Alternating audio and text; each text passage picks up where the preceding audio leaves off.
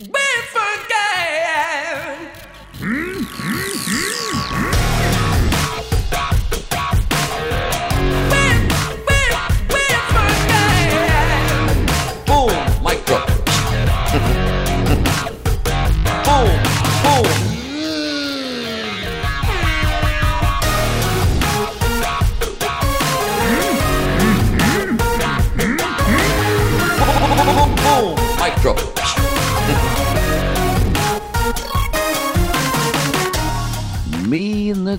Damer og alle dere andre. Hjertelig velkommen til episode 70 av vår Ja, jeg vet. 70. 7-0. Det, er- det, er jo, ja, det er jo jubileum, ja. Det er sant. Det er jubileum! Episode 70 av vår superfunky, super-funky, clunky, junky Star Wars-podkast. Yoda. Nei da, så. I dag så skal vi snakke om noe meget spesielt, nemlig kapittel 23 av The Mandalorian. Altså den nest siste episoden av sesong 3, The Spice. Pluss at vi skal snakke om de tre nye Star Wars-filmene som ble annonsert forrige uke i London, pluss mye, mye, mye mer. Vi må bare sette i gang. Knut Løksen, er du klar, kompis?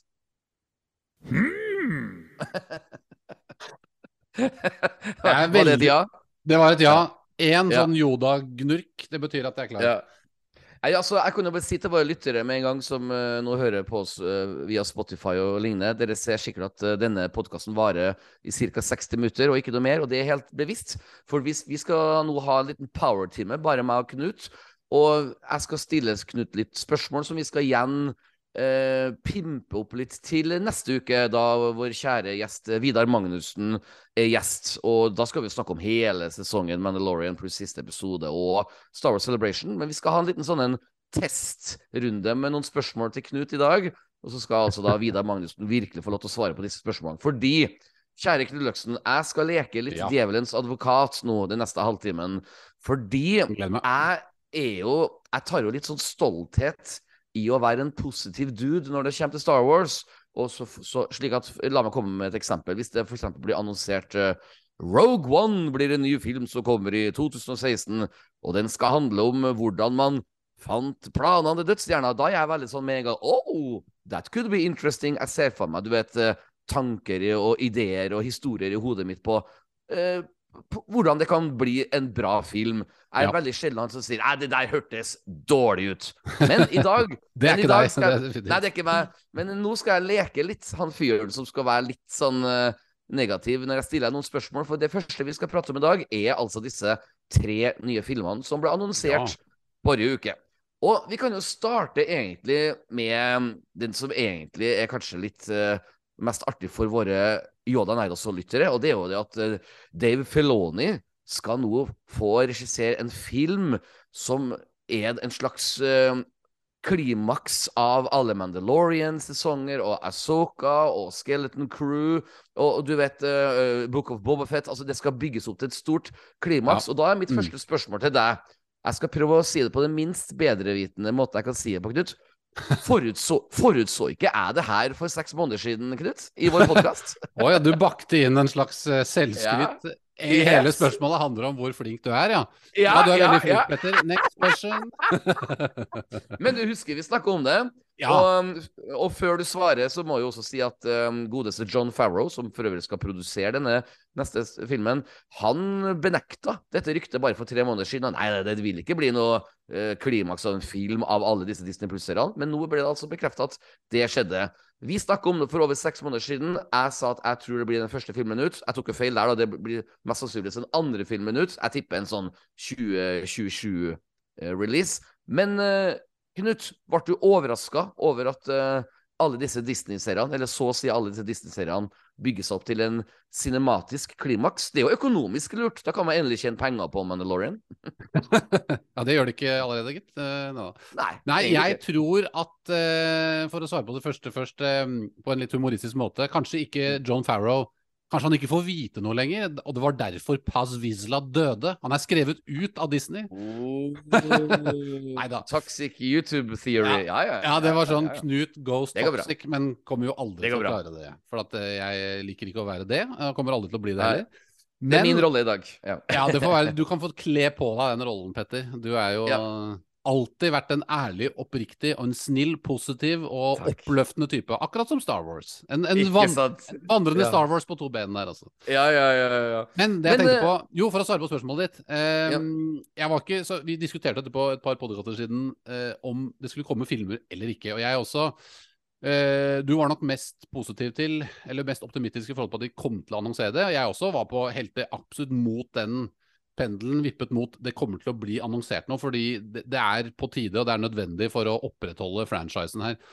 Og det gjorde de. Og eh, det, det er litt overraskende, som du sier, at John Favreau uttalte dette er et intervju om at at det kommer ikke til å kulminere i noen film. Det er litt, Mm. eh, Enten så misforsto han spørsmålet, eller så har de ikke Eller så er det Eller så har de Kanskje de vedtok dette noen timer før Celebration begynte. Ja, altså man, man, man- Mange sier jo at Bob Iger, når han nå kom inn som sjef for Ja. Disney igjen, så bestemte seg for å bare gi flere sånne grønne pass til å få filmavdelinga av Lucasfilm skikkelig i gang igjen.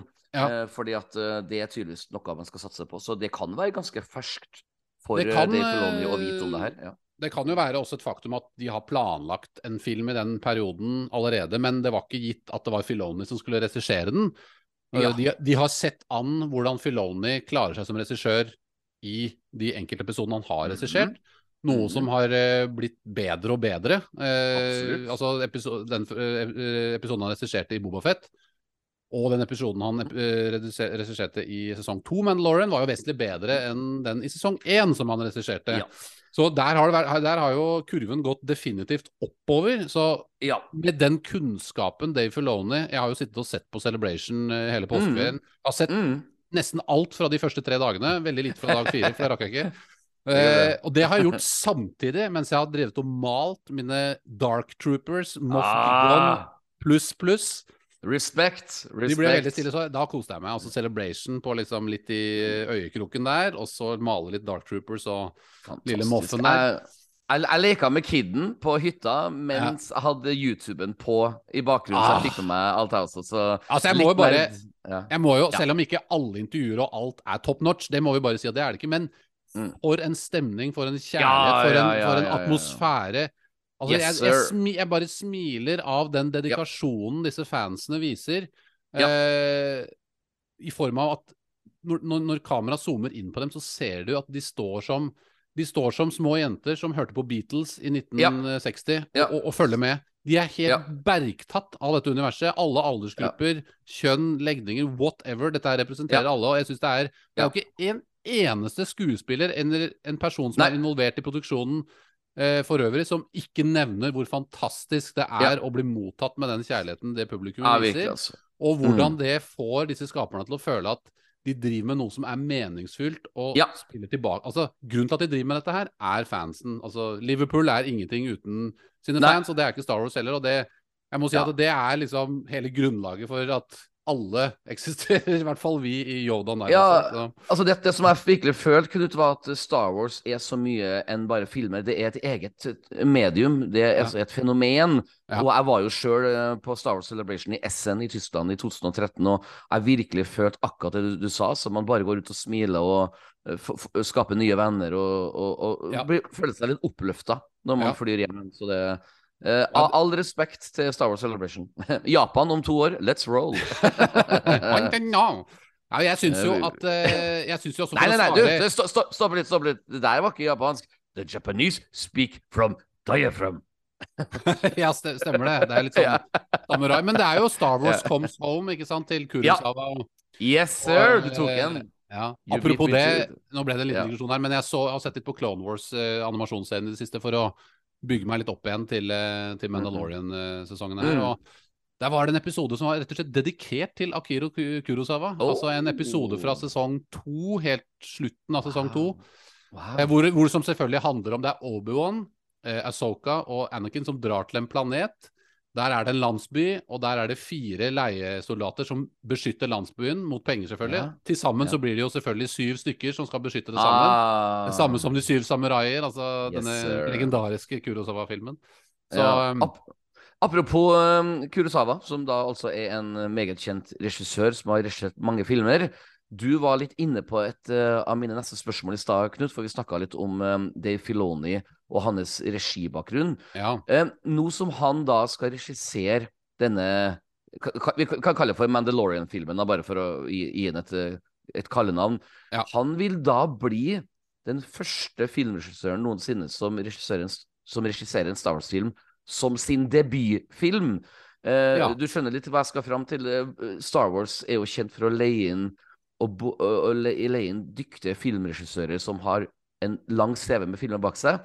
Men det virker som de stoler mer på kunnskapen til Filoni Mm. om Star Wars enn hans regibakgrunn. Så jeg, nå kommer da litt sånn djevelens advokat, av de tre filmene som nå blir annonsert, så jeg er jeg egentlig bare begeistra for 1,5 av dem. Og den ko- 0,5 er da altså um, De Filoni. Ja, jeg liker De Filoni like mye som uh, uh, blodfansen, men jeg, jeg, jeg, bare uh, jeg, 50 av meg tenker vil han klare denne meget vanskelige jobben å bli en filmregissør nesten over natta, for å sette litt på spissen. For Ja. det er et annet medium enn Ja. TV. Ja. Og, så derfor er jeg litt skeptisk. Eh, er, er det noe du har tenkt på, eller er det jeg som er bare litt for eh, toxic? Nei da, det er, det er en helt legitim eh, bekymring overfor eh, i forhold til det at erfarne regissører som har gjort mye filmer, også om det er Ja. indie-filmer eller store blockbustere, eller gjerne begge deler, så Ja. har de en erfaring innenfor det å pakke inn en historie i en film Ja. som skal vare to til to og en halv time. Takk, Knut. Og jeg skal bare avbryte kjempefort her, for det, det er viktigere enn å kan Star Wars. Ja, ja i utgangspunktet, men jeg tror, at, jeg Mm. tror at her kommer jeg litt til poenget mitt. Jeg tror at eh, Mm. Kathleen Kennedy og ledelsen i Lucasfilm og Disney eh, på en måte har grooma eh, Filoni litt over tid. De vet at han er kanskje klodens nest mest kunnskapsrike Star Wars-fan, for, for å kalle han det, Mm. eh, bak Mm. George Lucas. Eh, Mm.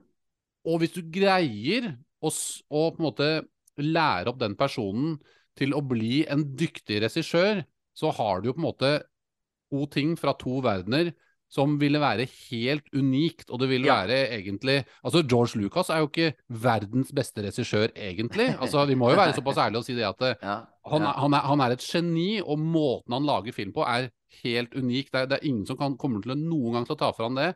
Men Mm. regien er ikke alltid den som har mest punch i seg, for å si det sånn. Der er jo Steve Spielberg er jo mer kjent eksempel, som en bedre regissør. Så hvis Filoni klarer å ta med seg all den kunnskapen, all den mytologien og lauren han er så kjent Mm. for å kunne, og løfte regien sin til et nivå eh, som er bra nok, så vil Ja. det kunne bli i det minste en Star Wars-godtepose som vil ha et fotavtrykk som er veldig gjenkjennelig for fansen. Og så er jo Ja. spørsmålet om det blir drivende godt nok. fordi at en film skal fortelle en handling fra A til Å i løpet av to og Ja. en halv time, istedenfor at du kan rolig, sakte, men sikkert kose deg med flere episoder i Clone Wars. Du har kanskje 22 Ja. episoder. Og, og fortelle. En, en lang historie, og du kan ta masse sidesprang. Mm. Du kan ta det med ro. du kan Hovedkarakteren din kan bare gå gjennom en gate og prate, liksom, uten å kaste bort noe tid. Eh, på den måten som eh, Men i en Ja. film så har du ikke tid til det, da. ikke sant? Sånn at det er, eh, det er en annen nøtt å knekke. Og det er det som er litt artig, skjønner du, kjære Knut Løksen, for at jeg er såpass nerd at jeg tenker litt på han regissøren som regisserte en av mine favoritt-Star altså Return of the Jedi. Det er Ja. jo Richard Marquand, som heller ikke har noe imponerende CV. Men Nei. han ble veldig veldig guida av sin produsent, altså Ja. George Lucas. Ja. Og her kan du da det Filoni blir guida av sin produsent John Favreau, som virkelig kan regi. Så jeg har trua. Så det er det som er litt sånn Så uh, det her blir en uh, tommel opp til meg. Eh, vi går videre uh, unnskyld, jeg skal bare si Vi går videre til James Mangold. Og um, Ja. vi- skal snakke mer om han neste uke, for at James Mangold er, for å si det rett ut, en, uh, en av de ti mest ettertraktede filmregissører i Hollywood i Ja. moderne tid. Og det at de har fått inn han, uh, gjør meg veldig intrigued, for han skal både skrive og regissere, og ikke minst det, det, det 25 000 år før Phantom Menace, altså hvordan The Force ble oppdaga og skapt, og hvordan Jedi-ordenen ble til. Jeg er solgt. Jeg er solgt. Jeg, jeg vil gå så langt og si nå Det er jo mange år til filmen kommer, men jeg sier det nå. Vi har det på tape på Spotify. Jeg tror det her kommer til å bli en fantastisk bra film, fordi at eh, alle kortene er stokka rett. eh, i, med, både med story og regissør og med, det, med hans CV. Den mannen her har ikke laga én dårlig film. Nei. Og um, jeg og du snakka for mange måneder siden hvilke store regissører er, er det egentlig som tør å komme inn i Lucasfilm og gjøre Vel, vi fikk svaret nå forrige uke. James Mangold, mannen bak fuckings Logan, liksom. Ja. Ford ver- versus Ferrari. Er Walk the line. Walk the line! Eh, Knut Løksen, er, er du like oppspilt som meg på både handling og valg av regissør til denne Dawn of the Jedi-filmen? Åh, om jeg er! Altså, Du trenger ikke å spørre. Altså, Nei. Her er det mye som stemmer for meg. Du har Ja, allerede sagt alt. mye av det. James ja. Mangold er en fantastisk regissør. Han har Ja. regissert de filmene vi nevner nå. Han Mm. eh, eller har regissert Indiana Jones 5, som kommer nå straks. Det er jo derfor han har, blitt. Ja. han har blitt tildelt den først, og så får han dette, denne etterpå, jeg er ganske sikker. Og så har de sett at det, dette, går, eh, dette går veien. Og så Ja. liker jeg det faktum at uh, dette er satt i en helt annen tidsperiode, selvfølgelig. er jo veldig Mm. forfriskende, fordi at uh, vi trenger å ekspandere filmuniverset. Vi har veldig mye law og mytologi fra Jeg har jo spilt uh, Nights of the Old Republic-spillene, selvfølgelig, fra de, Mm. og, som da utspiller seg flere tusen år tilbake i tid, ikke sant? Ja, Dette ja. var veldig populære spill, og det fins masse mytologi og bøker og law Mm. som stammer fra disse tidspunktene. Derfor Mm. så liker jeg at, eh, at Lucasfilm nå, for å gå litt videre, og at de, de um, annonserer filmer i tre forskjellige æraer her, egentlig. Det er Yes, jo det sir. de gjør. Yes, Eh, sir. Past, present and future. Present er jo på en måte Mandalorian-tida. Den som Ja. liksom alt av Star Wars uh, Ja. gulltid er i. Og så har Ja. vi da altså past, present and future. Uh, Og så er jo da ja, vi, Og det er, det er jo liksom det, For meg så får jeg en, litt, en slags planfølelse fra det, da. I kontra sequel-trilogien, for det var litt planløst fra A til Å. Ja. Mens eh, når de da plasserer seg i tre forskjellige tidsæraer, så har de laget Yes. seg tre forskjellige lekegrinder som de kan Yes! ut fra. Det er helt forskjellige genialt. muligheter til å Ja. expand. Hvis en av Ja. blir mer populær enn andre, vel, da bygger vi Oh. mer på den. Ikke Oh, sant? yeah. Eh, Og um, nå er vi positive. Vi skal snakke så klart mer om det her i oh, detaljer senere. Ja. Unnskyld at jeg avbryter. Altså, og at James Mangold, mannen bak Logan, en utrolig fet film. Altså, Logan Ja, er en av ja, de terningkast beste 6. i sin sjanger. Mm. Og det er jo en liksom sånn Det er en personlig karakterfilm som handler om Ja. gamle Logan. Og når jeg Ja. hører Dawn of the Jedi, så tenker jeg en, en, uh! en den første Jedien, altså en sånn karakter, personlig karakter, intim historie som går på det, det Ja. Dette er jo James Mangold en mester i. Altså Walk the Line handler jo om Johnny Ja. Cash. Mm. Eh, Ford versus Ferrari handler jo om Det er jo to hovedpersoner. Jeg har ikke, faktisk ikke sett Ja. den filmen. Nei, jeg, øh, ikke jeg heller. Men jeg Men den, den er ros om den. Ja. absolutt på radaren. Jeg har hørt den er fantastisk. Mm. Men alt dette her er jo sterke karakterfilmer hvor karakterene skinner. Figurene Ja. skinner gjennom, eh, manusmessig og regimessig. Og Ja. en film som heter Dawn of the Jedi, som handler om den første Jedien, med Ja. den regissøren tilknyttet. Det, det, også, det er, som du sier, kortene er, er stokket riktig. Ja, ja, også det at han våger sjøl å bruke ord som at uh, we're talking biblical portions à la The Ten Commandments. Jeg, jeg, jeg kan allerede se for meg liksom Ja, ja. wow-øyeblikkene i uh, visse scener hvor de skjønner at kraften er noe vi kan we, we can use this shit. ja. Um, apropos shit. Film nummer tre Nei, da tuller bare med. Du, jeg, jeg, skal være skikkelig snill, Knut. Ja. Og jeg skal pakke det inn kjempekreativt. Jeg skal iallfall prøve så godt jeg kan. Um, hvis jeg har sittet som en ansatt i Lucasfilm inne i en komité sammen med du vet, eh, 20 ledere av Lucasfilm, og så har vi fått delt ut 20 forskjellige Star Wars-manuskript, Ja. som alle handler om 20 helt forskjellige ting fra 20 forskjellige tidsperioder. Hvis en av de manuskriptene har vært den uh, Ray Skywalker, um, Charmin Obaid Chinoy-filmen, så har jeg, tror jeg faktisk, ved første tanke, så har jeg kommet til å lagt den, det manuskriptet helt nederst i bunken. Det, det, det må jeg bare si. Men det handler så klart om at filmen Rise of Skywalker, episode 9, er jo um, den største sjokkopplevelsen uh, jeg har hatt på Star Wars-kino noensinne. Fordi at det var så lite gjennomtenkt. Og det at de da våger å bygge videre på den, altså 15 år senere som en slags episode 10 Ja. Well, somebody got balls in um, uh, Lucasfilm, and it's Kathleen Kennedy. Jeg må rose dem for at de faktisk våger det. For at de må jo ha visst, Knut, her kommer mitt spørsmål, de må jo ha visst at 90% av alle Star Wars-fans bare måpa når selveste Ray Skywalker kom ut på scenen og Hey, I'm back! Jeg så ikke det her komme. Hva med du, Knut? Var du like sjokkert som meg? Nei, altså, det har jo vært snakk i media i Det har det. flere år om at dette er mulig, og, så, Ja. så det er ikke så stort sjokk. Eh, okay. Det var det for men, meg. men, men det er kanskje et lite sjokk at det kom nå, at det kom samtidig med andre filmer som er fra Nei. andre æraer. Og det er den Men- filmen som skal først ut i Ja. desember 2025! What? Ja, ikke sant? Men eh, jeg skal si dette her, eh, som er litt viktig. Og det er det at eh, For det første, som du sier, det er 15 år etter Rise of Skywalker, så de distanserer seg litt fra Ja. handlingen der. Det vil si at det kan gå nye veier, at vi trenger ikke å tråkke nødvendigvis i de samme sporene. Og vi vet foreløpig at det er Vi vet ikke om noen andre returnerende Vi vet ikke noe om Poe eller Finn eller disse karakterene her. Det kan Ja. godt hende at det er bare Ray fra den gamle trilogien, og at det kommer helt Ja. nye karakterer inn, helt nye historier. En totalt annen antagonist som dukker opp, som, som Ja. det, er ikke, det er ingenting som ligner på det vi så visuelt sett. Somehow Palpatine returned again! Ikke sant? Hvis, de, ser, hvis de tråkker i sånne salater, da blir det, da blir det bare suppe. Men, men eh, det, det andre poenget mitt er også er dette her, og det syns jeg faktisk er veldig viktig. Nå kommer det. Ja. Eh, og det er det faktum at prequel-trilogien var uglesett en periode. Det må vi jo, det må vi jo Ja. ærlig innrømme. Og fortsatt er det kanskje det litt rann også, men den har jo Mm, vokst enormt de siste årene. Mm. Mye pga. Lucasfilm og at de har troen på å bruke Mm. materialet fra den æraen og at generasjonen som så disse filmene når de var barn, vokste opp, eh, som har akkurat det samme forhold til den som vi andre har til originaltrilogien. Ja. Men hva er det som er viktig med Den aller viktigste med prequel-trilogien er den er canon. Og det er også sequel-trilogien. Den er canon. Mm. Og du er nødt Ja. for å stå for det du har gjort. ja.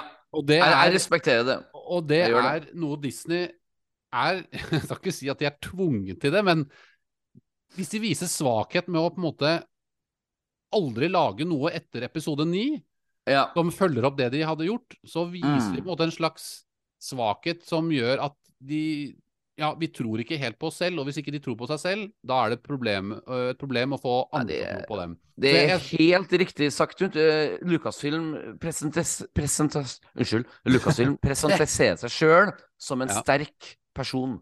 Ja, Eh, det er, Lucasfilm, ja. det, det er det de gjør, og det er viktig å anerkjenne canon.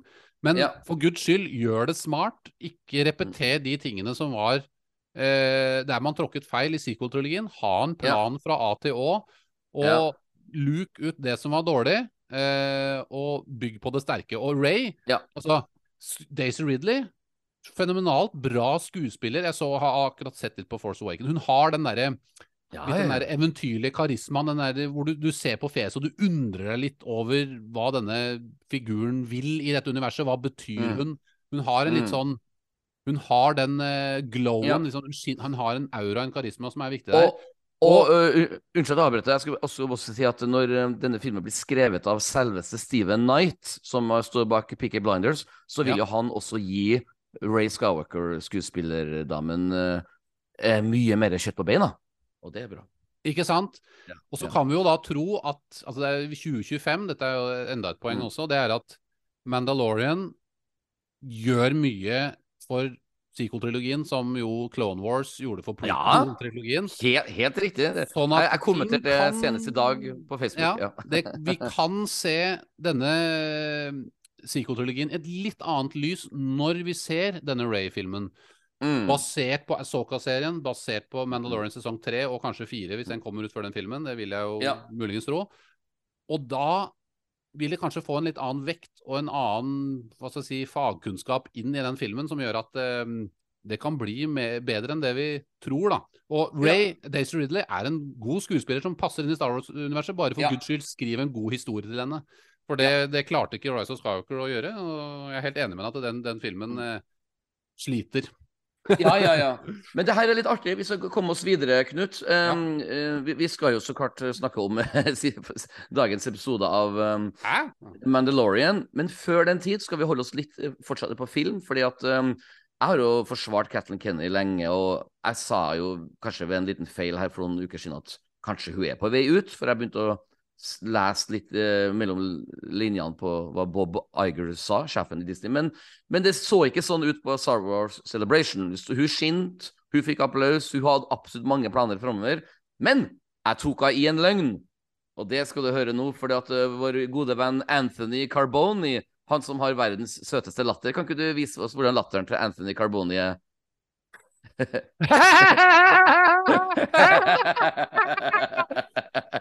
Jeg syns han er egentlig ganske artig. Han, Han er jo søt, men den latteren han er hans, den kommer hvert tredje sekund. Så han blir en sånn Det er noe Ja. Jar Bink, Binksete over det. Ja, ja, det er Jar Jar Binks. det. Iallfall, da. Um, jeg klarte å ta Kathleen Kenny i en løgn, for hun ble intervjuet av IGN, og hun sa at there was never ever any official Kevin Feige-produced Star Wars movie ever announced. Og da fant jeg et klipp her fra Star Wars sin offisielle YouTube-kanal, hvor da denne Anthony sier følgende. Kevin Feige, diehard Star Wars fan, owner of multiple Hasbro Jabba's sail barges, and president of Marvel Studios, will now be able to add Star Wars producer to his list of achievements. That's right. With the close of the Skywalker saga, Kevin Feige is set to co-produce an upcoming Star Wars movie with Kathleen Kennedy in a new era of Star Wars storytelling. Så det vil altså si altså at på Star Wars News YouTube-sida så det, blir det offisielt, og så sier altså da Catholic Kennedy Nei, det, det, skjedde, det ble aldri eh, Men- offisielt eh, delt. Eh, hva som skjer, Knut? Men, men det klippet du spilte av nå, det, ble det referert til på starwars.com sine sider? Ja. Ja. Og Star Wars sin YouTube, offisielle YouTube-kanal fra ansatte i Lucasfilm. Men Så Kathleen ja. Kennedy var ikke selv til stede på det intervjuet. Dette var bare pressefolk. Det var han eh, med den flotte latteren som, ja, som snakket. Anthony Carboni. Ja. Sånn at eh, Kathleen Kennedy selv. Kathleen Kennedy selv har jo ikke sagt det. Hun har jo ikke nødvendigvis kontroll over alt som kommer ut, selv om det er på starwars.com sine sider. Ah, okay. Jeg- veldig snill. Altså, ja, jeg er snill, men altså Jeg bare vet at pressen Den kan på en måte breake ting som nødvendigvis ikke kommer Ja. fra en troverdig kilde. Og så er det veldig mange andre pressekilder som går med den samme saken, og med andre Ja. vinklinger og refererer til andre personer. eh, Og Mm, kanskje til den samme kilden, selvfølgelig. Men, men, det, er, men det er eh, Ofte så oppstår det ting i pressen som ikke kilden er ansvarlig for selv. Og Ja. Ja. da tar folk det som fakta, og så Mm. eksisterer det i Bare går det Ja. mange år, og så Mm. kommer det aldri til noen konklusjon før vi da får en situasjon hvor hvor, eh, hvor Kathleen Kennedy slo dette her ned. Da. Men jeg, jeg, det er klart, klart litt rart at hun ikke har slått ned de ryktene før, men det er klart Ja. det, det vil oppleves som altså det, Jeg mener at Kathleen Kennedy hun gjør mye riktig. fordi hun, Hvis hun skal blande seg opp i alt, alle fanteorier Ja. og alt som dukker opp Ja. så, opp, så oppstår Eller så fremstår ting som lite troverdig og rotete. Mm. Du må stå Ja. rakrygget og si saklige ting når du blir bedt om det. Hvis du hele tiden skal ja. blande deg inn så da blir det barnehagekrangel fort. Og jeg, jeg, jeg, Ja.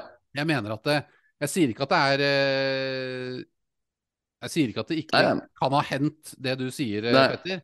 At det Ikke ikke er sannsynlig. Men jeg tror også det er Mm. like sannsynlig at hun ikke har løyet også. Ja, jeg noe, som er iall- noe som iallfall er helt sannsynlig, det er at eh, neste uke, når vi har vår sesongfinale-podkastsending sammen med skuespiller og regissør Vidar Magnussen, da skal vi snakke mer om det her. Vi skal også snakke litt om Taika Waititi-filmen, Ryan Johnson-filmen, Rogue Squadron, og vi skal også snakke litt om The Acolyte, Andor sesong to, Star Wars Visions. Ja, ja absolutt. eh, Skeleton Crew. fantastisk eh, trailer. Ja.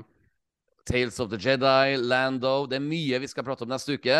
Men akkurat nå, kjære Knut Løksen, skal vi snakke om siste episode, eller den nest siste episoden av um, The Mandalorian, som heter for The Spies. Regissert av Rick Famujiva, som er The da Spy og Shagmy, favor- trodde jeg du skulle si. det. Ja, ja, ja. Du husker hva den norske tittelen på den eh, filmen var? Spionen som spermet meg. Helt korrekt, helt korrekt. God bless them. Iallfall, Rick Famujiva er altså regissøren bak denne episoden og neste episode, neste ukes episode. Han er jo en av mine favorittregissører i The Mandalorian. Jeg husker veldig godt eh, andre episode i sesong én, som mange mener er en tynn episode. Jeg bare elska alt det Star Wars-eske. Vibben eh, Jeg Rick husker det. fikk fram. Javaene. Ja. Helt korrekt. helt korrekt. Så iallfall, jeg vil bare starte å si her, Knut, at denne episoden, i motsetning til forrige ukes episode, har en helt annen energi. Den er back to form. Veldig bra skrevet manuskript, vil jeg si. Og Mhm.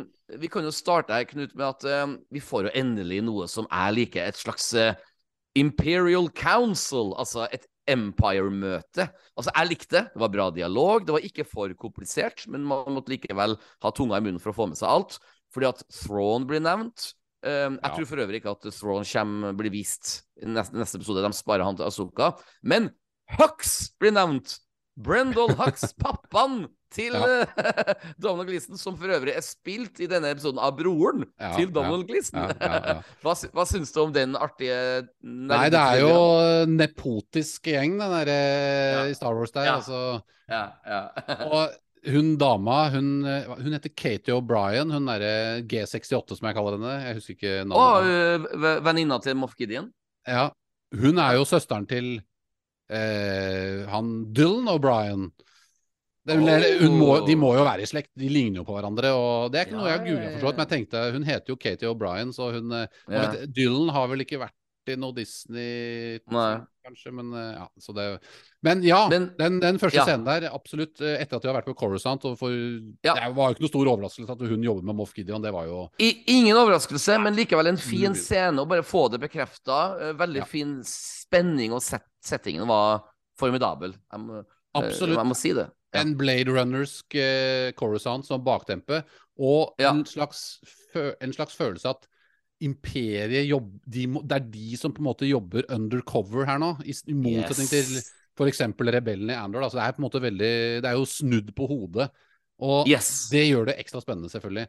Og den første Ja, det- hologramscenen, som jo Mhm. jeg er ganske sikker på foregår på Mandalore. Altså, Moff Gideon er nok allerede på Mandalore der. Så Yes, vi så disse Han gikk jo forbi disse her um, Ikke Dark Trooper, men en slags Mandalorian armor, Imperial Mandalorian Yes. armor som sto i gangene der, så tenkte jeg Ja. ah, det er de som har vært og, og breaka han ut av denne Lambda-shuttlen. ja, det er helt korrekt. Det er ikke Og- Mandalorians, men det er rett og slett uh, Stormtrooper med Beskar. Ja. Ja, altså vi vet ikke at det er mennesker inni der, for så, men jeg tror det er det. At det er bare lojale Ja. soldater. Uh, Ja. Det er nok det mest sannsynlige. Uh, men jeg har, masse, jeg har en del uh, Så jeg har jo sagt flere ganger at jeg tror at er, Imperiet har en facility på Mandalore. Det har jeg sagt i årevis, holdt jeg på å si. Det, Mm. det var jo Det viste seg å være sant. Eh, Ja. Moff Gideon hadde en agenda på Mandalore. Han hadde en agenda om Ja. å nærmest perfeksjonere Han ble har blitt manisk på å perfeksjonere den mandaloriske kulturen og vri den inn, inn i sitt eget bilde. Og det syns jeg jo var yes, egentlig ganske tøft. Eh, Ja, og, og bare oppbygginga at vi har fått at det må ikke komme på Mandalore-planeten. Den er forgifta og farlig. Det, det er jo Ja. perfekte plassen å, å, å gjemme et uh, imperium. Det er som, det er som, det er som nazistene i Argentina, liksom. Jepp. Det er det, det, er det, det har vært en propaganda hele veien. og Derfor jeg hele tiden har tenkt at det er noe mystifistisk med denne Det er så giftig og farlig å bo på denne planeten. Det er pga. imperiets uh, giftige pro propaganda uh, på en eller annen måte, eh, som bare har sendt falske signaler ut, selvfølgelig. Og så tror jeg jo at Sånn Ja. som vi får ut av den første hologramdialogscenen mellom disse forskjellige Ja. moffene og Imperial Ja. Warlords. Elsker det Mhm. faktum at de er spredt rundt og prøver Yes. å organisere seg. Men de må, Ja, ikke, de må ikke organisere seg for mye, for da blir det et signal til The New Republic om at de er organiserte. Elsker Ja. det faktumet der, for at det, det, Ja. det bidrar til en sånn spenning Ja. Og det var så deilig å endelig få se dem eh, i det møtet, for at vi har jo på en måte følt deres nerver og hørt snakk om Ja. dem, men nå er det på en måte bekrefta. Og dette er jo som sagt litt Og sånn eh, jeg tror jo- verdenshistorie. Jeg må skyte inn en teori her, og den er kanskje ganske obvious, men i og med at Hux var der, eh, altså denne pappaen Ja. til Hux Pa pappa til Hux, ja. Pappaen til Hux, vet du, han holder Ja. på. Eh, han er nok den personen som på en eller annen Altså, her er det Det er noen som ikke vet hva er First Order, hva er Palpatines plan her. Project Mm. Necromancy, det er jo selvfølgelig Yes. refererer til Palpatine Bra og observert. Snoke, men det jeg stusser over da, er jo Altså, Hux, han jobbet for The First Order. Visste Mhm. han om Project Nec- Necromancy og, og dette her med Palpatine? For det var jo tydelig i The Rights of Skywalker at disse, mange av de som var med i The First Order, visste jo ikke Mhm. om at det fantes en Sith, hva var det han kalte det? Palpatine? Helt, helt korrekt. Ja. Så her er, det, her er det flere Imperial Warlords som kanskje har forskjellige ideer og agendaer om hva som skal skje fremover, men Moff Ja. Gideon han virker jo som en person som vil ta ledelsen, og det kommer jo til å føre Ja. til en, en konflikt mellom han og Thrawn, sannsynligvis. Og det Yes, er jo spennende. Vi, vi får håpe at han Brendal Hux i løpet av neste episode skriker ut I'm the spy! Samme som hans uh, sønn gjorde, vet du. Ja. Ja. Men du, eh, det, det, altså Star Wars er jo flink til å skape verdenshistorie. Nå, nå har vi snakka om nazister som gjemmer seg i Argentina, som er på en måte be bekrefta sannhet. Eh, når eh, The Mandalorians skal unite, som da er altså på den neste del av denne episoden, så skal jo disse klanene møtes. Og det er jo litt sånn eh, islam-ish, hvis du tenker tilbake til Gulfkrigen på tidlig 90-tallet. Så var det jo forskjellige muslimer som sloss mot hverandre, for de hadde forskjellige syn på samme religion.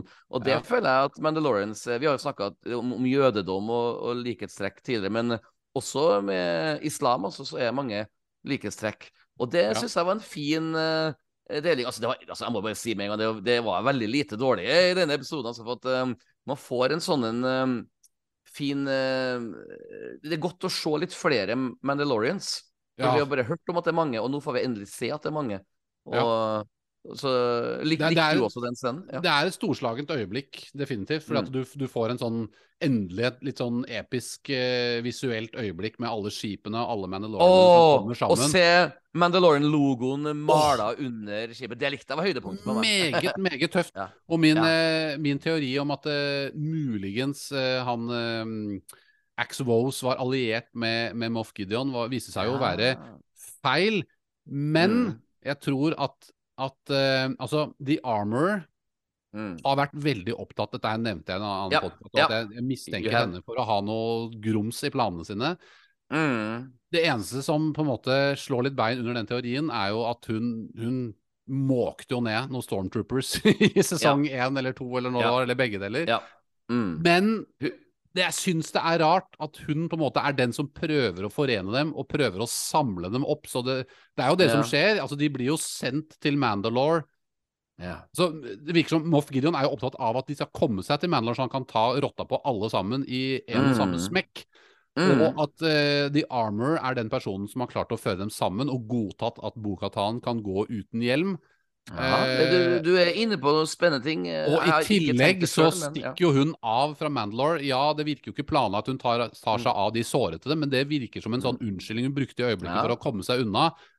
Og du ser et klipp hvor hun kjører skipet tilbake til The Mandalorian. Army. Der får du ikke vite noe mer om hva som skjer. Så det er, det er litt for mange hint. Jeg tror de, Jeg sier det her og nå. The armor is not good. Ok, da, da kan jeg ha en annen eh, Jeg har ikke så mye teori, men jeg, jeg vil si at um, han Mr. High Magistrate uh, Ja. Altså han um, Jeg glemte navnet på noe. no! Ja, men jeg synes nå offisielt, uh, etter å ha sett snart tre sesonger av Mandalorian, han er den dårligste skuespilleren i hele eh, i Mandalorian. For han, han gjør en sånn klassisk skuespillerfeil gang på gang. Første regel jeg lærte når jeg jobber på teater, var sånn Hvis du møter en karakter på, på scenen, så må du aldri si sånn Neimen, eh, god dag, eh, Knut Løksen! sånn å avslutte med sånn latter. Det er sånn f- fø- barnehageskuespillere eh, eh, vi, vi kan ta det opp med Vidar Magnussen neste uke. Ja, og han skal alltid le. Han skal alltid le etter hver gang han sier noe. Og bare, han spiller faen meg i sin egen TV-serie, han også. Det var skikkelig cringe-worthy. Men det som redda scenen, var jo så klart at uh, Yo, Baby Yoda fikk seg en ny venn. Ikke i IG11, men i IG12.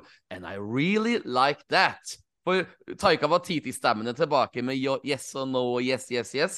Og jeg faktisk humra og tenkte her er klassisk Star Wars-humor. Likte Ja. du like godt som meg, Knut? Ja, fordi at eh, Altså, jeg var bekymra for at de skulle bare ta tilbake IG11 bare for å ta den tilbake. Ja. Men nå er det da ja. Altså, vi har hatt IG11 som første utkast, og så har vi hatt IG11 som andre utkast. Og ingen står jo det komme, eller sikkert noen, at. Grogu skal styre IG12, Ah, som han heter nå. Så det var en du, du tar jo tilbake en karakter, men i en ny drakt. Ja, det Det var veldig originalt, og en, en veldig Ja. smart måte å ta tilbake en karakter uten at det føltes billig ut. da. Og det var jo Ja. Også To en, tomler opp. et Ja. mekanisme for å få fram masse morsom humor. Når går Ja. og trykker på 'yes, yes, yes', yes, ja, og det var artig. Jeg, Så jeg humra. høyt. Ja, Og det er, sjelden jeg sitter, det er sjelden jeg sitter klokka ni på morgenen og ler høyt, for da er jeg groggy etter å ha sett Star Wars fem timer natten før, liksom. Ja, ja, ja. Er Reruns av Clone Wars herfra til månen. Så det er, det, altså, dette var min type Star Wars-humor, og det Yes, kledde yes. yes. Grogu. Og det kler Ja. egentlig Dean Jarin, for han blir jo da bare irritert, ikke sant? over- Ja, ja, det er artig, altså. Det er fantastisk.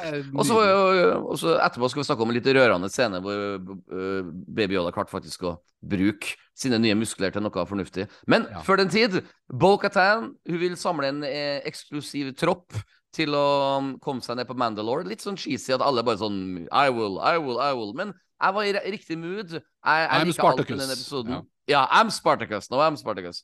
Så iallfall, de ankom med Mandalore, og så møtte de noen lokale Mandalorians.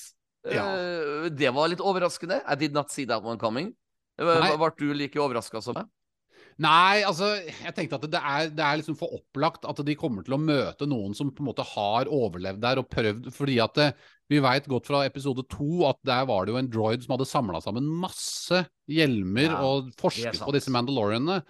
Og Mm. jeg har litt følelsen av, Petter, at det har en sammenheng med dette prosjektet til Moff Gideon. Den derre droiden som jeg Ah. irriterte meg over at de ikke snakket noe om. Mm. Husker du det? Mm. Og- det faktum at den droiden drev og høstet inn blodet til disse mandalorianene og Ja. Ja. hadde noe sånn ekkel, creepy sånn eh, cyborg-teknologi på seg. Mm.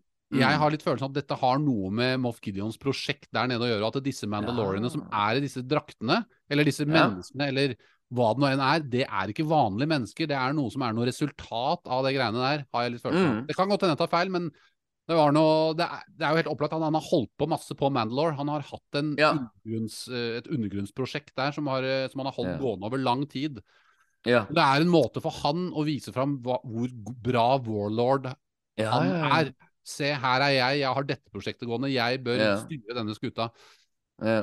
Men som sagt, jeg, jeg, det var jo litt overraskende at de var der, men jeg, jeg syns det var eh, egentlig ganske forfriskende. Og det, var jo, det er jo kule, kule skuespillere som var med der også. Ja, det var det jeg skulle si. For at han ene skuespilleren kjenner jo igjen fra siste Top Gun-filmen, som for øvrig er en Star Wars-film i sin egen Ja. rett. Og han andre skuespilleren som jeg ikke husker navnet på, han var med i Breaking Bad, som Ja. også Moff Gideon var med i. Så nå har vi liksom Ja. to Breaking Bad-skuespillere med i. Star Wars. Det syns jeg er Ja. artig. Ja, de var kjempebra, alle. Det var jo to av dem som hadde flest replikker, eh, tror jeg. Han, Mm. eh, han mørke og han derre Han andre. Mm. huske. Mm. Men at de hadde litt sånne loslitte klær. De hadde bygd sin egen sånn sail barge-aktig far, farkost som hovret over Mandalore. Og ja, ja, ja, det var ikke mange av dem igjen, så var flere av dem som var døde. Så det Ja. var ikke sånn at de hadde overlevd der eh, enkelt over lang tid. Altså, jeg Ja. vet ikke helt akkurat når The Purge fant sted Nei. før A New Hope. Det må vi google litt. Før De er jo nå syv år etter Return of the Jedi, så de har jo, Mm. de har jo vært der i hvert fall tolv år. Ja, ikke sånn. sant? Ikke sant? Ja. Kanskje Og så har de ja, det, de, de virka sultne. De så Ja. litt tynne ut, og de spurte etter mat.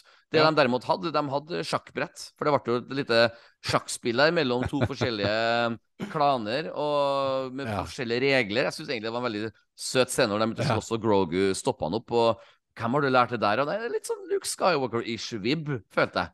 Eh. Grogu Luke. Skywalker var med i denne episoden, eh, og det var der. Ja, bra Ja. sagt. Bra sagt. Ja, det, det likte jeg veldig godt, for det, det er jo, Mm. han har jo tatt noe lærdom av de to årene han Mm. tydeligvis da har vært Ja. der, da, ifølge John Farrow. ja, det er sant, det. Og eh, jeg Det- syns jo at det var en eh, Endelig så fikk vi en scene hvor Grogu har en betydning. Yes! Og han faktisk var et bindeledd mellom klanene. Der, Way overdue. Way det er så way overdue. Og det, er hvor, altså, det får meg bare til å Altså Sånne scener som det, så tenker jeg tilbake på Jack Black og Lizzo. Eh, tenker jeg bare What the fuck was that? Ja, det, ja, det, det, det, det, vil, det vil bli en spennende debatt i flere år framover, tror jeg. Akkurat det der. Ja. Um, det dukker jo Apropos um, eh, sjokkerende ting. Vi fikk jo plutselig se et monster. Jeg var jo sikker på at det var en Mysosaurus, men det var tydeligvis ikke det, følger nettet. Men det var iallfall et monster da, som ødela båten. Og da det var et mutert, et mutert monster. Ja. Ja. For det, Det er jo her virkelig energien går opp. For du vet at uh, Moff, Gideon, og hans venner har jo som sagt en secret lair i Mandalorian. Og disse flyvende stormtroopers det, det som er artig med det, vet du, Knut, er jo at um, når George Lucas først var med og designa Bobafett, altså tilbake på, i 1979, så var hans opprinnelige tanke at det ikke skulle være én person Bobafett, men det skulle være flyvende stormtroopers. Så uh, det her er en liten sånn omasj til George Lucas sin opprinnelige tanke på hvordan stormtroopersen i Empire Strikes Back skulle være. Det Ja, ikke sant? Ja, De hadde ikke teknologien, liksom, så Hadde ikke teknologien, Nei. men nå er de eh, så, så de kom tilbake. eh, Det var veldig tøft. Det var bra energi i actionscenene. Jeg, jeg ble absolutt engasjert. Men eh, så er det jo eh, lureri, for de, når de tror da at disse hvite flyvende stormtroopersene trekker seg tilbake, så er det at de sjøl blir lurt lenger og lenger inn. Og um, her må jeg si at her, her var Star Wars-vibber, altså, på høyt nivå. Nå, glemte jeg dessverre hva han store, sterke Paz Mandalorian Takk, takk. Eh, Et, et veldig fint Ditt nye Ja. album, We Come In Paz. We Come In Paz, Wisla. Her, her er greia at eh, jeg syns det var en fin måte å eh, et- Et fint sacrifice, faktisk. For at eh, This is the way, ropte han liksom. Og så knuser han flere av disse um, stormtroopersene, og så kommer Pretorian fucking guards, altså røde Ja. uh, gutter. Og jeg må jo si at det er jo en av mine favorittscener fra The Last Jedi, så jeg hadde null problem med at det kom Ja. noe stikkordreferanse nok en gang. Jeg, jeg, jeg- liker det faktisk litt. Um, Ja. null, issues med det. Det Ja, dette var jo, dette var, dette, var, Ja. dette var jo callback til det første møtet de hadde i episoden med Moff Gideon. Han fikk jo Yes. disse forsterkningene fra Hux. bombers. Yes, Ja, yes. for, for å sette disse Mandalorianene i en felle, og for å ha Once nok ressurser til å ta dem ut. Ikke sant? Once and for all. Mm, mm, De har blitt mm. et stort problem. Så dette er jo en sånn grand plan som eh, Moff Gideon har, Ja. så det er jo egentlig ganske kult. Jeg har en Ja. liten kritikk da til akkurat den scenen. Det, kall det en detalj, men jeg syns i sånne, i sånne um, viktige scener som dette her, da, som er klimakset på slutten her, så, Ja. Så føler jeg at det er, det er litt dumt. Det er to ting, og det er for det første så Når Din blir tatt til fange, så står jo disse mandalorene fanget inni et rom. Ja. Ja. Men de, altså Bo-Katan har jo denne darksaberen sin. Ja, Hun kunne jo når som helst bare ha kuttet opp et hull der, og så gå I ut. I know. Eh, ja, kanskje I... det, kanskje det kunne vært en risk, for da kunne kanskje Moff Gideon ha nok en gang fått darksaberen. At det var en sånn tanke bak. Så jeg, jeg tilgir Mm. den Det er måter å tilgi det på, da, for å si det sånn. Den andre Ja. tingen er at ja, uh, Paz Vizsla sitt, uh, sitt offer er veldig sterkt, og det, Ja. det var, jeg, hadde, jeg absolutt følte noe der. Men jeg føler liksom at han kunne jo bare fortsatt å skyte og bare gått bakover. Eh, og sluppet unna. Bra sagt. eh, Jeg tenkte akkurat det samme. Litt som i den eh, Altså Disse Mandalorian de Ja. går ikke bakover når de skyter monstre. De skyter Den krokodillen fra episode én i denne sesongen. Mm. Nei, vi Mm. står utenfor kjulen og skyter på den. Vi går ikke inn og skyter ut på den. Altså Ja. Eh, Jeg, jeg, er veldig glad, jeg er veldig glad for at du sier alt det her, Knut, for det er faktisk noen småfeil. Altså, når vi etterpå nå skal gi ternekast, så forsvinner iallfall sekseren fra meg. For det er Ja. ting man dessverre kan sette uh, Ja. fingeren Altså- på. Eh, vi, vi kan jo egentlig bare starte med noe, bare så at lytterne vet hvor, i hvert fall hvor jeg lander først. Jeg lander altså på en en, en, faktisk en, en, en fin ternekast fem, for det var Ja. så stor opptur fra uka før. Og det var Mm. så mye Star Wars-law oh, ja. langt nede i Vis, Mandalore. visuelt, visuelt også. Visuelt. Bra regi. Jeg, jeg var investert, og ternekast fem er jo en, en veldig stor og flott uh, ternekast. I, ingen ternekast seks ennå fra meg. uh, men uh, hva, med du? Hvilket ternekast lander du på? Nei, altså Det er jo mange ting her som er liksom på overtid, føler jeg. da på grunn av, Ja, dette, Det er jo ja. ikke denne episoden sin feil, men det er jo strukturen i sesongen jeg føler er litt opphakket. sånn at det, jeg føler det er ting som skjer i denne episoden som kunne vært enda sterkere hvis de hadde fokusert mer på ting i episoder spesielt fire, fem og seks, som Mm. kunne ha gjort denne oh. episoden bedre. Men jeg Yes. skal, gi, jeg skal gi en anmeldelse på denne episoden isolert sett, det, Ja. så jeg skal ikke henge meg for mye opp i hva som har skjedd eh, i foregående episoder, sånn sett, selv om det Mm. kan påvirke noe av hva jeg føler. Men Mm, mm. eh, for meg så er det, jeg kan si med en gang, jeg også syns det er en, en helt soleklar, solid femmer, Ja. men sekseren ryker litt på, Ja. på slutten der. Eh, Mm. På grunn av de tingene jeg nevnte. Eh, Mm. Men det er altså Det er, en, det er en, eh, en episode som får fram Star Wars-grandiositeten i meg. Vi har, yes, som, eh, vi har ting som skjer på land, vi har ting som skjer litt i space. eh, Ikke så veldig mye krig i space, men det er allikevel mye scener med store skip som kjører fra det ene stedet til det andre. Som, Ja. som gir litt sånn filmatiske uttrykk, da. Som, som Mm. eh, jeg har savna litt i, eh, noen ganger, i, eh, spesielt i forrige episode. Ja. Så, Ja. så det er, og det er, som du sier, det er masse law, og det er masse det er visuelt veldig slående. Selvfølgelig når vi kommer tilbake til Mandalore, er det veldig spennende. Det er mye action, selvfølgelig, i denne episoden. Mm. Og det er en del Etterlengtet action. Ja. Og det er mange flotte høydepunkter her. Du, vi nevnte Grogu som uh, ble Ja. bindet mellom klanene. Ja. Paz Visla sitt offer er også et, Ja. Det er jo et høydepunkt, og han blir ikke Altså, de har jo bygd han litt opp i sesongen også. Han har hatt, han har hatt denne talen rundt, rundt leirbålet. Han har vært Ja. til stede i alle sesongene, definitivt. Og de bruker en del tid på sluttscenen hans og bygger han opp som en, en veldig verdig motstander. Altså, han Ja. målte jo ned de første fake Mandalorene, for å Det, kalle det det. det lasergeværet hans blir sånn ildrødt av Ja. varme, liksom. For han bare fortsetter å bare blæse. Veldig liksom. Det er tøft. Så når da først disse Praetorian Guardsene kommer og knerter han, da blir hans død ekstra tragisk, da, fordi du veit hvor sterk Ja. han er. Men Ja. det sier noe om uh, brutaliteten til uh, ja, Kall det The First Order, da, som jeg tror uh, Ja. disse, er jo, jo- disse er jo skapt for å beskytte Snoke, som er gjenbeskyttet Yes, av Palpatine. eller Yes, sir. Hva det nå enn er. Ja. Snoke can't swim. Det er også sant. Ja, Det- en, det- en annen ja. ja. Jeg, jeg skulle bare si kjapt eh, Altså, Throne blir jo som sagt nevnt. Ja. Uh, og, um, men, men, men før vi går inn på å snakke litt om Throne, så må jeg jo si at Din Jarin blir ikke drept, men han blir liksom taken to questioning. Hvorfor tror de ikke dreper han? Er det bare for at han er hovedrollen i Mandalorian, om han ikke kan drepe han? Eller er det for at uh, Moff Gideon vil ha noe ut av en? Det, er litt tynn, egentlig, føler jeg, da. Men, Ja, Det kommer an på neste episode hva de får ut Ja. av den. Altså, det, dette her Ja. handler alt om manus. Hva, hva klarer manus å få meg til å kjøpe? Og hvis de Mm. har gode argumenter i manuset Mm. for hva, hva slags informasjon Din Jarlin sitter Ja. inne med, som er ekstremt viktig for Moff Gideon og Mm. etterlevningen av imperiet, mm. så funker det. Men hvis det er du- bare sånn ja. MacGyver eh, Her tar vi Ja, ja, ja. vare på deg, det- og så stikker du av igjen, Det liksom. det, det er det jeg frykter. Jeg frykter en MacGyver-scene hvor han bare lurer seg ut eh, med å gjemme seg under en frakk eller noe sånt. à la Obi-Wan Kenobi-serien.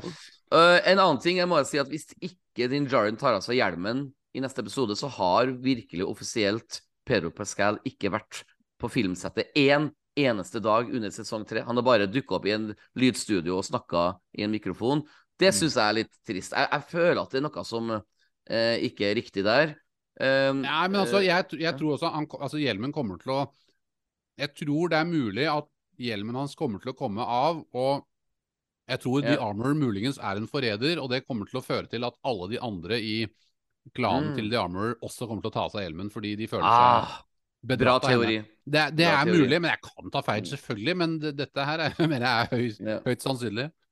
Jeg så på nettet i stad at det er veldig mange som er sikre på at Throne, Grand Admiral Throne, skal dukke opp i neste episode. Jeg er egentlig 100% sikker på at han ikke gjør det. De sparer det til Asoka-serien. Derimot Asoka kan dukke opp og hjelpe til, fordi at eh, Ja, nå skal jo ja. alle disse Mandalorensene som er ute i romskipene sine rett over Mandalore, de skal jo nå bli angrepet. Og de trenger hjelp, og det kan Mm. være Asuka. Og så trenger vi kanskje enda en sånn større ting, en liten Leia eller Han Solo eller noe. For de, de er jo, de lever jo i tidsperioden her. Ja. Hva tror du vil skje i neste episode? Ja. Oh. Dette, altså, dette her var en, denne episoden her var jo en definitivt sånn opptur, og det, jeg gleder Ja. meg til siste episode. Definitivt. Altså, det, er, det bobler i blodet mitt. Eh, men um, så noen, noen store legacy-karakterer, eller noen store karakterer som dukker opp neste gang, som, som Kanskje til og med et møte mellom Leia og, og Asoka, for eksempel. Altså at, eh, for Ah. Leia er jo aktiv og virksom i The New Republic, sånn som det er nå. Hvis, Ja. hvis det, dette som skjer nå på Mandalore, hvis det, hvis det lekker ut noen i The New Republic får vite om det, f.eks. han Carson, kanskje det Mm. går helt opp til Leia eller Julia Dern eh, Kanskje, hun, eh, kanskje, kanskje Leia kan lære Asoka sånn Mary Poppins-flyging? Ikke sant? Det har vært en fantastisk scene. Og så blir, blir Jandu med også, fra Guardians of the Galaxy. Yo, you're all Mary Poppins! Men, eh, men det, jeg, også, jeg er enig i det. Jeg tror de kommer til å spare De brukte mye energi holdt jeg på å si, i Asoka-traileren Mm. til å ikke vise ansiktet til Tron. Korrekt. Korrekt. Jeg tror ikke vi får se Trond. Vi- kommer nok til å få høre mer snakk om han.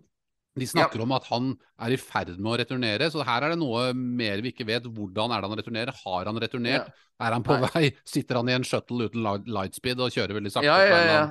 Hva det, det det er akkurat der han er, og det, Ja. det vil skje i Asoka. Og det, kommer vel sikkert på starten Jeg- på nyåret. Så, ja. Ahsoka, det er en perfekt anledning for Asoka å dukke opp igjen, fordi at hun kan lære om Thrones øh, hvor han er hen, Mm. ved å spore opp denne konflikten her. Og Ja. finne noen Imperial Warlords og snuse seg fremover og finne ut av eh, hvor Thrawn er. Så det er veldig mange ting som eh, virker logisk for at uh, Asoka skal dukke opp i neste episode, sånn sett. Så det er altså. absolutt Til våre kjære lyttere, dere har fått nå vært vitne til tidenes korteste, men mest energiske podkastepisode Hey! Det, var- det var derfor vi, vi ikke kunne ha noen gjester i dag, for vi hadde bare én time å gi av oss sjøl. Men neste uke, kjære Yoda Neidaso-lyttere, har vi altså tilbake Vidar Magnussen, stor skuespiller og regissør fra, eh, fra Bergen, men med base i Oslo. Og da skal vi snakke om eh, siste episode av Mandalorian, vi skal snakke om hele sesongen av Mandalorian, og vi skal Ja. også snakke mer om Star Wars Celebration. Ja. For han kommer sikkert med litt uh, andre syn på f.eks. hva Ray Skywalker kan komme med. For jeg er jo litt delt der. Men, jeg- men jeg, jeg liker å være positiv. Men jeg er både sjokkert og imponert over at Lucasfilm tørs å stå i stormen og gønne, gønne på å For ikke snakke om eh, 4. mai, så skal jo eh, om jeg ikke tar helt feil, Star Wars Visions volum 2 komme. Og det er noe jeg gleder meg veldig til. For Ser er fantastisk sånn- ut. Ja. ja, det, og det, det er eh, selskap fra hele verden som skal uh, vise hvordan eh, de drømmer Star Wars, for å bruke den type uh, eksempler. Jeg, jeg elsker Star Wars Visions. Jeg, jeg, jeg ble meget positivt over Jeg, er litt overraska over hvor glad jeg ble i Star Wars Visions. Ja, men jeg, altså, sier det igjen. Altså, jeg mener at eh, de Star Wars Visions-tingene driver med, som er helt uh, fristilt fra kanoen her, er, mm. er flotte inspirasjonskilder for de som skal lage ting i canon, for du kan trekke ut Mm. hva du vil, akkurat som du kan trekke fra Legends. Ja. ja. Bøker og Legends, Alt. dataspill og whatever. Du kan No ha plukkeelementer. No, plukkeelementer. no Nei, det, er, rules! Ja. det er jo det, Star Wars handler om. Det er, ja. det er altså Fantasien er begrensningsløs. Det er jo det Star. Wars handler om, egentlig. Og det er, det er derfor det er så fascinerende. Du føler at det er, det er, en, det er en, en deilig matrett du, som aldri Ja. tar slutt. Absolutt. Det er samme som meg. Jeg skal nå to dager i Tyskland, på Kiel-ferga. Jeg skal spise deilige matretter på den fine restauranten jeg og du var sammen på sist Og rulle ut langs Ja. eh, langgangen der. Og du, du er i Kristiansand eller Stavanger? Jeg, jeg blander alltid de to byene. Jeg er i Kristiansand. Og skal, jeg, har, jeg så episoden tidligere i dag, ni til ti, og så Ja. kasta jeg meg i bilen, kjørte fire timer, var på vei, kjørte innom hytta. Hadde Ja. to minutter til meg til å rekke en ferge for å hente noen Ja. greier inn på hytta og stikke inn et SIM-kort. Ut igjen, ned hit. Så var rommet Ja. forsinka. Og så var det rett ja. Og så hadde jeg så mye ting som jeg måtte ha med opp fra bilen, annet noe mat som jeg hadde glemt på hytta. Så det begynte å renne noe pesto ut av søppelposen, ned på gulvet. Så jeg måtte tørke opp pesto på gulvet her før jeg begynte å trykke på record. Og, og, og kanskje litt nepente. Ja. Pesto. ja. det, eh, til våre kjære lyttere, det skal ikke stå på engasjementet. Knut klarer å løse kabalen med å være med. Jeg eksempel skal hente Kid i barnehagen nå, som stenger om 13 minutter, så jeg må springe til barnehagen. Ja. Men uh, tusen hjertelig takk, Knut. Du er jævlig sporty at du klarte å få til det her. Jeg gleder meg som en unge til neste uke. Da skal vi ta oss bedre tid. Vi har med oss Vidar Magnussen som gjest, og vi skal virkelig get down to the nitty-gritty og virkelig snakke litt om framtida til Star Wars, og om de klarte å komme eh, gjennom målstreken med sesong tre av Mandalorian. Det får vi først vite neste uke. Ikke sant, Knut? Åh, vet du hva, jeg gleder meg. Jeg skal jo til Kristiansand da òg, men eh, Ja. det blir ny, ny kjøretur. Ja, og-. Og jeg skal faktisk ut og fly, jeg òg, både onsdag og torsdag, så det blir, det blir artig. Det blir artig uke. kaos, men vet du hva? Det er, da er i hvert fall mine nerver og min oppmerksomhet i helspenn. Jeg kommer til å være Ja. Denne Ja. episoden har virkelig juica opp forventningene mine. Den har eh, fått meg tilbake på spor. Til, Yes, sir. eh, til hele serien og til for så vidt Star Wars for øvrig også. Det er jo litt sammenheng med Star Wars Celebration. Det var mye morsomme Ja. nyheter. Bare, bare det at han derre finske Chewbacca skal spille Ja. en uh, Wookie Ja. Jedi som heter Naka, Ja. som heter Diakla. Da sitter jo jeg Da malte jo jeg tre Dark Troopers dobbelt så fort. Ah, nydelig, altså. Tusen Så hjertelig takk. Knut. Det Kjempesporty. Det er bare å glede seg, folkens, til neste eh, episode neste uke. Yes. Både med Mandalorian og Yoda Niles også. Eh, Grogu for life. Jeg må bare springe, Knut. Bare spring, eh, Petter, så bare snakker jeg to timer til her, og så går det Ja. greit. med deg. Love you, bro. Love you, bro. Ha en fin kveld. Hils the one. Ja, skal gjøre. Ha det bra. Ha det. Ha det. Og takk til alle dere som eh, holdt ut med oss i uh, Jonan Eidaas sin korteste episode noensinne. Eh, I hvert fall sånn i nyere, moderne tid. Jeg er stoked, jeg er hyped for neste uke. Det håper jeg dere er også. Jeg er meg, dere er dere. Grogo er Grogo, din er din, din er min. Takk for i dag. Boom! Mic drop.